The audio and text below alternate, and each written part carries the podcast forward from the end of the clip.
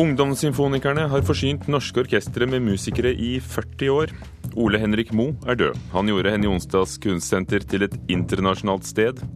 Premierefilmen 'Pacific Rim' er en fest i effekter for vår anmelder, og Helge Jordal lager forestilling om norske sjøfolk. Dette er saker her i Kulturnytt i Nyhetsmorgen i NRK med Ugo Fermariello i studio. Når Festspillene i Elverum åpner i dag, er Ungdomssymfonikerne som alltid ett av trekkplasterne. Nesten syv av ti av musikere i norske symfoniorkestre har bakgrunn i Det nasjonale ungdomsorkestret. I år er det 40 år siden de ble grunnlagt, og nå er en ny generasjon unge talenter samlet til sommerkurs. Nei, det er jo kjempegøy.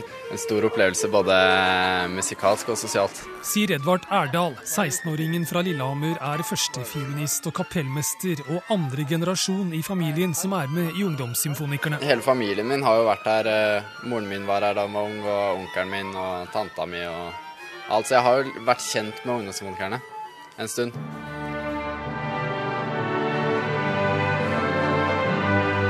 Ungdomssymfonikerne ble grunnlagt i 1973.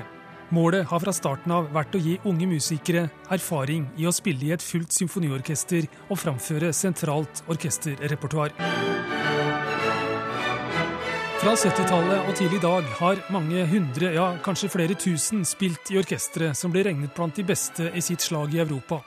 I dag har opp mot 70% av medlemmene i norske symfoniorkestre bakgrunn fra ungdomssymfonikerne. Det er artig, og det forteller at uh, vi uh, er med på å sørge for at de kan uh, få det grunnlaget de trenger for å bli profesjonelle musikere. For at Du spiller og øver i alle, alle rom her. Det spilles i alle rom på Terningen arena i Elverum om dagen. Det er 99 musikere her nå. Sier daglig leder for Ungdomssymfonikerne Lars Igesund. Av 240 søkere har 99 unge mellom 16 og 26 år fra Norge og 11 andre land fått plass på årets sommerkurs i Elverum. Eh, jeg tenkte vi skulle begynne med uh, oh, Sorry. The third moment of Sjostakovitsj. Fiolinist Geir Inge Lotsberg er en av instruktørene på årets sommerkurs. Han har sjøl bakgrunn fra Ungdomssymfonikerne. Klart De første opplevelsene av å få spille stort orkester var helt uh, utrolige. Og man kan på mange måter si at det staka ut kursen for mitt, uh, mitt, min framtid. Geir Inge Lotsberg sier ungdomssymfonikerne har betydd mye for norsk musikkliv. Ja, det betyr enormt mye. Og hvis man ser tilbake på de 40 årene, så jo, er jo ringvirkningene veldig enkle å se. På det tidspunktet da ungdomssymfonikerne ble starta opp, så var det et reelt problem med rekrutteringen av norske, særlig strykere, til de profesjonelle orkestrene. Og det har betydd eh, mye gjennom de 40 årene. Sier dirigent og kunstnerisk leder og tidligere musiker i Ungdomssymfonikerne, Ole Christian Ruud. Eh, fra, fra, start så var det, kan vi si at det var nærmest den eneste orkesterskolen som eksisterte i landet.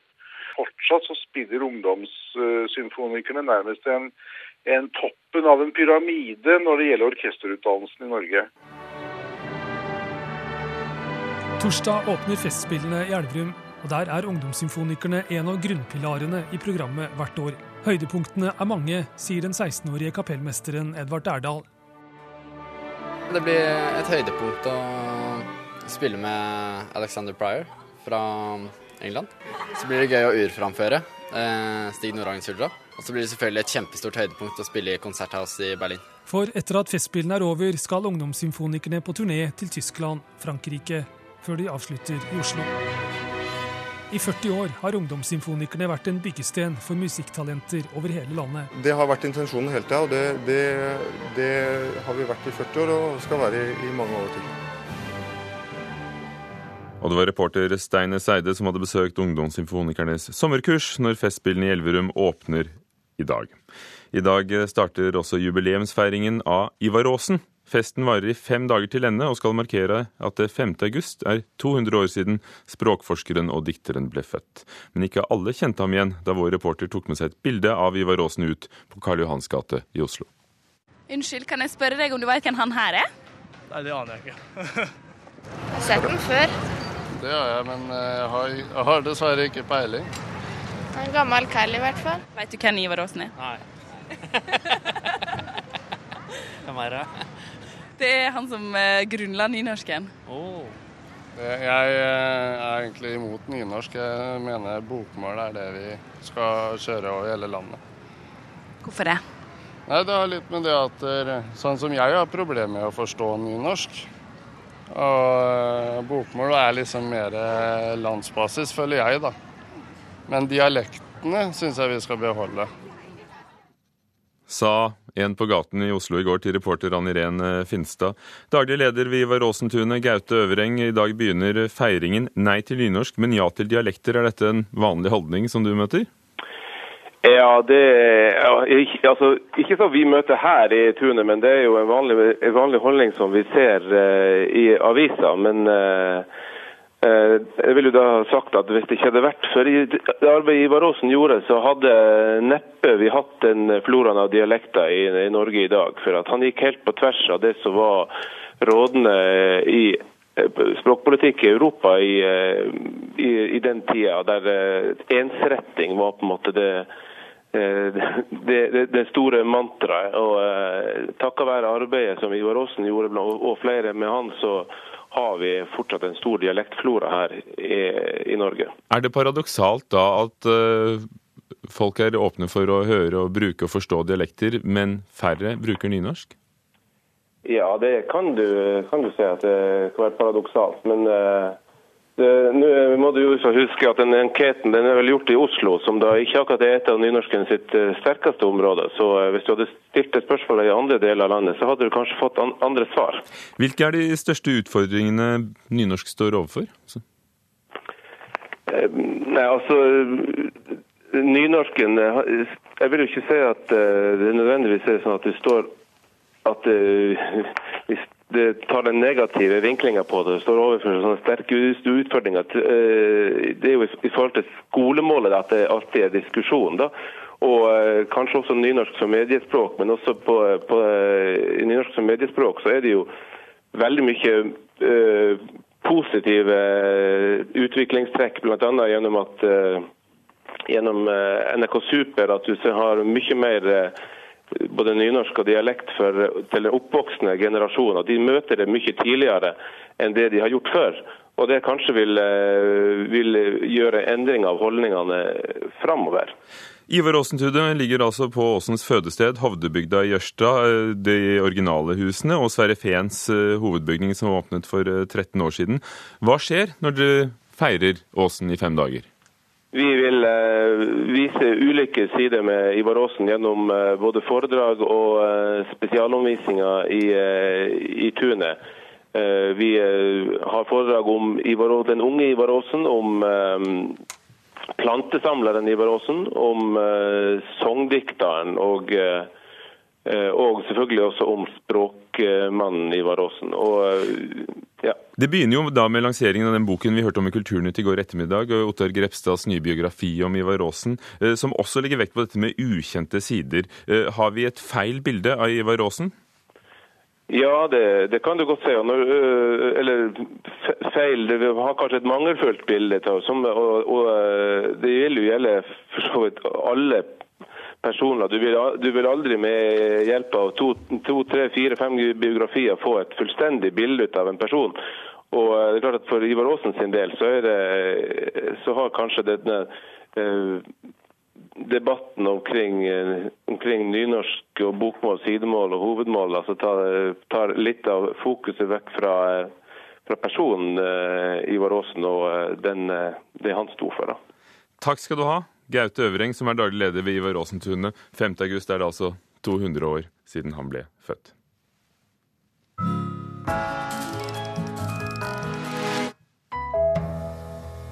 Rundt 40 ungdommer er i gang med å lage spillefilm på tre uker i Målselv i Troms. De håper å få etablert et eh, permanent filmmiljø i Nord-Norge, slik at filmtalenter ikke trenger å slutte med det yrket de vil arbeide med. Hei. Skulle ikke du skolen i dag? Det er jo lørdag. Har du ikke noe bedre å gjøre enn å komme hit? Gjør lekser, fest, drikk, spill dataspill som andre vanlige unger gjør. Takk. Takk, takk, takk. Fint. Det er ingen som skulker unna når rundt 40 ungdommer fra 15 til 25 år er på settet til spillefilmen Stup. På kun tre korte uker skal historien om møtet mellom den folkeskye gamle mannen Johan og den unge gutten Isak filmes. På lengre sikt håper ungdommene å få til flere filmer for å bygge opp et bedre filmmiljø i Nord-Norge. De fleste av oss må flytte sørover for å kunne få seg jobb. Og vi ble litt lei av det, så vi tenkte nå skal vi gjøre noe stort. Nå skal vi lage en veldig stor film her i Nord-Norge og vise hvor flinke vi nordnorske filmskapere kan være. Produsent Elisa Fernanda Pirir forteller at det skal forhindre at flere slutter helt med film fordi det ikke finnes nok jobber. Mange jobber også gratis på denne filmen. Vi har rekruttert folk fra hele Nord-Norge, fra Lofoten og mange folk som er nordnorske som bor sørover, som i Trondheim, som har tatt flyet for å komme hit for å være med på dette. Det er jo vakkert her. Det er så masse muligheter. Vi må utnytte den. Og hvis det er vanskelig å få seg jobb, så da må vi bare skape jobb, muligheter til andre. Filmcamp tilbyr locations for filming i Målselv. De er også en av flere aktører som ungdomshuset Tvibit, Sparebank1 Nord-Norge og Nordnorsk Filmsenter, som har støtta filmen med rundt 600 000. Filmfaglig ansvarlig Svein Andersen sier at unge som jobber innen lyd, lys, effekter og andre fagområder, er helt avhengig av mer kontinuerlige prosjekter. Vår målsetting med Filmcamp er jo nettopp det at ungdom i framtid skal ha en arbeidsplass her, og den skal kunne spesialisere seg innenfor ulike eh, arbeidsområder, og ikke alle skal bli regissører, for å si det sånn. Men Hvor viktig er det liksom å beholde på de unge talentene, og sånn så de ikke rømmer til Oslo? Altså, Jeg syns det er veldig bra at folk drar ut og henter erfaring og drar med seg det beste hjem igjen og blir her. Men da må vi ha nok produksjoner. En, to, tre Du, gutt, kom hit. Hvorfor er du her? Fortell meg det. Jeg har ikke noe annet å gjøre. Stup er 22 år gamle Eilif Bremer Lansens første spillefilm. Men han har store ambisjoner om å jobbe som regissør i Nord-Norge etterpå. Jeg har kjempelyst til å bli i Nord-Norge. Men også reise ut i verden, da, selvfølgelig. Men uh, alle historiene kan filmes her oppe også. Det handler bare om at man må på en måte få nok finansiering og også at man har guts nok til på måte, å kjøre på og prøve. Kan du noe, gutt? Jeg vet ikke. Nei, klassisk. Ser du bladene på det treet der? Tell dem. Regissøren har også klart å lokke med seg Bård Ove på laget. Kan du ikke telle, gutt? En. Han har over 85 filmer bak seg, med 'Hodejegerne' og flere Lars von Trier-produksjoner som de mest kjente. Hva er det som trigga deg med det prosjektet her? Ja, Han der regissøren ja, han er ikke mer enn 22 år. Det er helt imponerende. Hvordan er det? Du har jo vært med i filmer som 'Hodejegerne' f.eks. Hvordan er det i forhold til å være med på det her? Det er samme slags. Samme greia. De her de er akkurat like gode som profesjonelle. Det er ikke, ikke forskjell her. Og det var eh, reporter Rune Eian som hadde vært på filmsettet. 16 minutter over åtte. Dette er overskriften i Nyhetsmorgen her i NRK. Diktaturstater spionerer på egne landsmenn som har flyktet til Norge, og det er et økende problem, mener Politiets sikkerhetstjeneste. Norsk rettsvesen har ikke tatt et nødvendig oppgjør etter Kvikk-sakene, hevder svensk advokat. Det kan bli aktuelt med granskning også i Norge, sier nestlederen i justiskomiteen, Jan Bøhler. Og fagforeningen i Statoil hevder ledelsen har prøvd å skjule utflaggingsplaner. Og senere i Kulturnytt møter vi Helge Jordal, som har laget forestilling om norske sjømenn. En av norsk kunstverdens kjente personligheter, Ole Henrik Moe, er død. Moe var både kunsthistoriker og pianist, og Henny Jonstad Kunstsenter i Bærums første direktør, og det var han i 22 år. Karin Hellandsjå, selv kunsthistoriker og senere direktør ved samme sted. Hva slags sted var det Ole Henrik Moe skapte fra han begynte i 1966? Nei, det var, et, eh, det var noe nytt på den norske kunstarena. Det var en uh, tverrkunstnerisk arena som han skapte, hvor han tok med seg musikken, som jo var uh, der han selv startet ut, og laget en, uh, en arena for, for alle sjangre innen samtidskunsten. Både litteratur og musikk og billedkunst. Nasjonalt som internasjonalt. Det var helt utrolig. Hmm. Mm. Ole Henrik Moe studerte i Sorbonne før krigen. Han kom hjem, han satt i konsentrasjonsleir i Sachsenhausen under krigen. Deretter har han vært ved noen av de kjente universitetene, Columbia og Princeton i USA, og andre også. Var kunstsynet hans preget av at han var et sånt internasjonalt menneske? Ja, det, det vil jeg vel si. Og han tok jo sin magistergrad på Urnes stavkirke, så han hadde en, eh, han hadde en stor spennvidde i sin eh, kunnskap som, han, eh, som var en viktig referanse for ham når han da i, i sitt arbeid. Hva, hva, betydde han for norske kunstnere på 60- og 70-tallet? Han, han, betydde masse fordi han var en døråpner og en, eh, en som da førte dem sammen og ga dem en, en arena. I tillegg så var han jo, altså Før han startet på Høvikodden, så var han jo på Kunst på arbeidsplassen i 13 år. Han var en stor populisator. Han var skribent, han var kunstanmelder og jobbet jo også i NRK og laget kunstprogrammer. Så han var, eh, betød mye også for, for, for mange i Norge. Han var på Onsdag Kunstsenter til 1989. Deretter arbeidet han bl.a. med å registrere Anna Eva Bergmanns kunstnerskap. Har han hatt noe å si for at Anna Eva Bergmanns kunst har fått en renessanse? Ja, masse. Masse.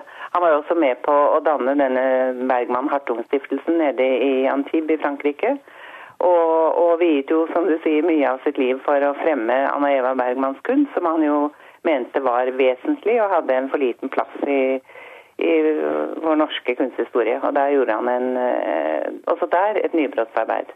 Ole Henrik Moe var jo også bror til den kjente arkeologen Anne Stine Ingstad, og, og, en veldig kjent skikkelse. Og du som kjente ham, hvordan var han? Hvilken plass hadde han i, i norsk kulturliv? Ja, altså Han virket jo i norsk kulturliv i, i 60 år, og han var en eh, hva skal jeg si, på en måte en sånn kunstens uh, gentleman, eller hedersmann. Han hadde mye å si og satt jo i mange organer og var, uh, var en åpen, lyttende, spennende person. Takk skal du ha, kunsthistoriker Karin Hellandsjø. Vi snakket om Ole Henrik Moe, pianist og kunsthistoriker, Henny Onsdag Kunstsenters første direktør, som døde denne uken, 93 år gammel.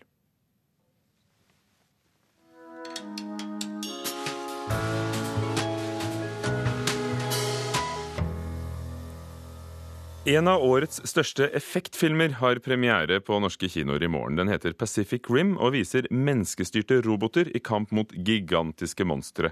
Filmanmelder Birger Vestmo synes eh, regissør Guillermo del Toro har gjort dette til en effektfest som inneholder alt en stor sommerfilm behøver, eh, så lenge du ikke krever en dyp historie. Pilot. Motstand er nytteløs. Regissør Guillermo del Toros Pacific Rim er en effektfest uten like. En maktdemonstrasjon av hva som er mulig å visualisere, og et veritabelt angrep på dine sanser, som kroppen husker lenge etter at den vakler glad og fornøyd ut av kinosalen. Historien er akkurat så enkel som den trenger å være. Figurene er skall av virkelige mennesker og man kan saktens sette alle ti fingre på et og annet gapende plotthull. Men jeg glemmer det fort, ettersom alt bare blir større og større, inntil enhver innsigelse blir like absurd som filmen sjøl. Tolvåringen i meg elsker Pacific Rim. Two pilots, mind-melding through memories. Gigantiske monstre kalt kaiju kommer ut fra jordas indre. Svære roboter, jegers, er menneskehetens fremste forsvar mot trusselen. Rally, spilt av Charlie Hunnam, er en av jegerførerne, men opplever et personlig tilbakeslag, samtidig som robotprogrammet blir nedlagt til fordel for andre forsvarstaktikker. Fem år senere blir han kontakta av sin gamle sjef Stacker, spilt av Idris Elba, som har samla de fire gjenværende robotene til et siste angrep utafor Hongkong.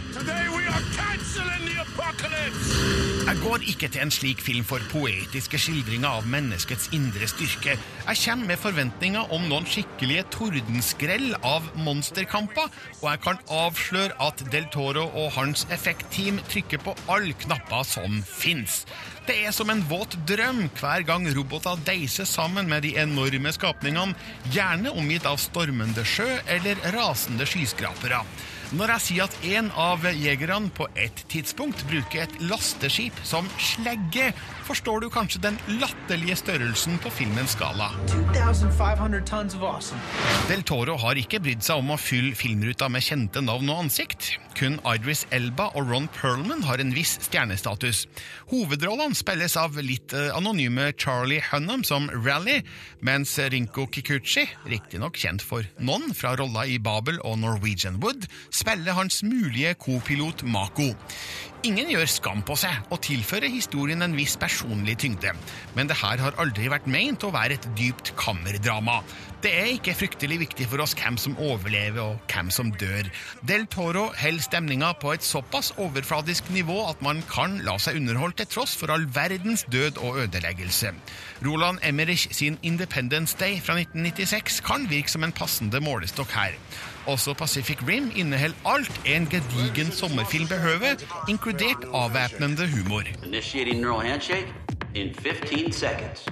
Inspirasjonen fra japansk monsterfilmtradisjon er åpenbar, men Godzilla kan ta seg en bolle.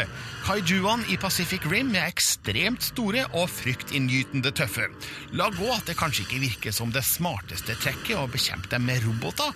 Jeg ville heller sendt ut en skvadron jetfly med missiler, men det ville ikke vært halvparten så kult å se på som når jegerrobotene kaster seg inn i nærkamp med svært ødeleggende konsekvenser.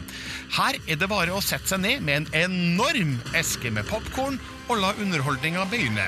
Hvis det var det her Del Toro forlot Hobbiten for, så er det greit. Birger Vestmo om Pacific Rim, og du kan lese anmeldelser av de andre ukens premierefilmer og se klipp fra filmene på nrk.no film. Skuespiller Helge Jordal er blitt sterkt engasjert i norske sjøfolks historie og i å fortelle den. Etter suksess med enmannsforestillingen Førstereis på Den nasjonale scene, er det premiere på kabareten Uteseileren på Losjen i Bergen i kveld. Og hadde det ikke vært for en avisannonse, så hadde Jordal selv antagelig blitt sjømann. Da var vi var tre stykker som jobbet en del sammen og gikk, gikk godt sammen. Og da, skulle vi, da hadde vi tenkt å prøve å få hyre, komme oss ut. Og så sto det sånn jeg tror det var Dagbladet jeg leste. 'Søknad til Statens teaterskole'. Så, så, så søkte jeg. Så kom jeg pinlig inn. så det ble min reise, da. Lyder og musikk fra de sju hav fyller losjen i Bergen. Skuespiller Helge Jordal er i innspurten før premieren på Uteseileren. En nyskriven kabaret som skildrer livet til en av de norske sjømennene som hadde hele verden som arbeidsplass. En kjærlighetshistorie som han er nødt til å reise ut, for han kan ikke være hjemme, for han er forelsket i broren sin kone. Samtidig så reiser han ut og opplever verden og uh, fantastiske ting. sant? Nei, Ole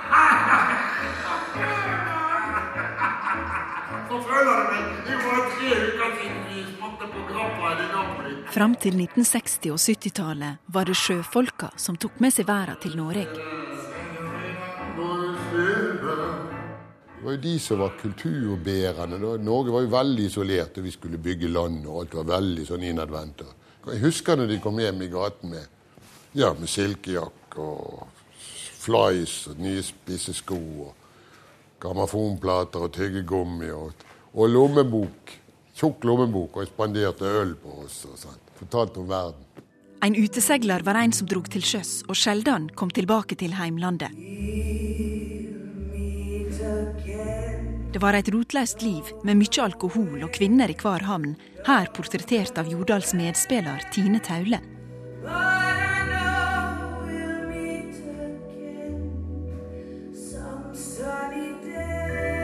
Sjømannsmyten er i stor grad sann forteller Erling Gjelsvik, som har skrevet kabareten.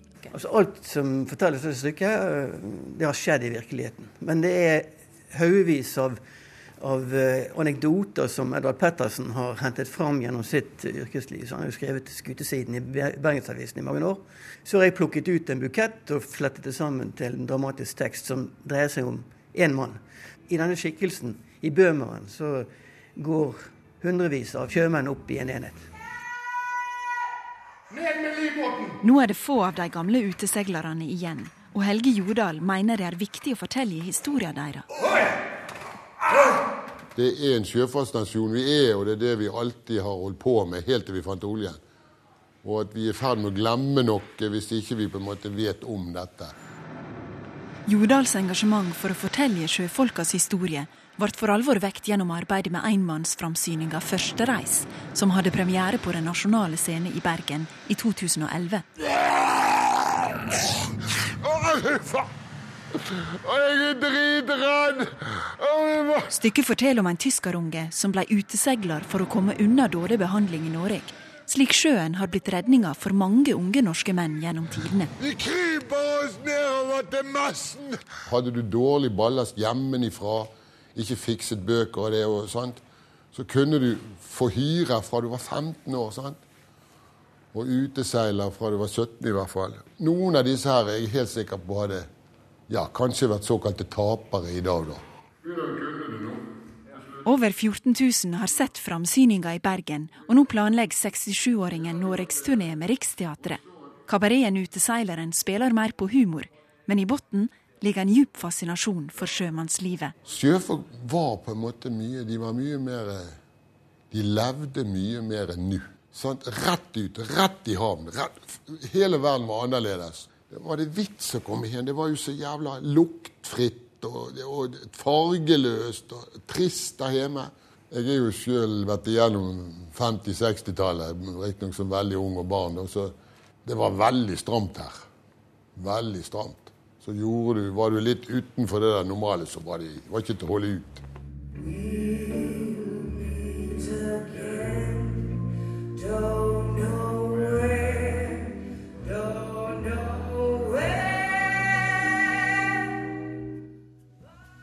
Ikke Vera Lind, men Tine Taule før premieren i Bergen i kveld. Turi Rogne hadde intervjuet Helge Jordal. Kulturnytt var ved Lars Tronsmoen, teknisk ansvarlig, Gjermund Jappé, produsent og Ugo Fermariello, programleder. Vi høres i ettermiddag klokken 16.30 i P2.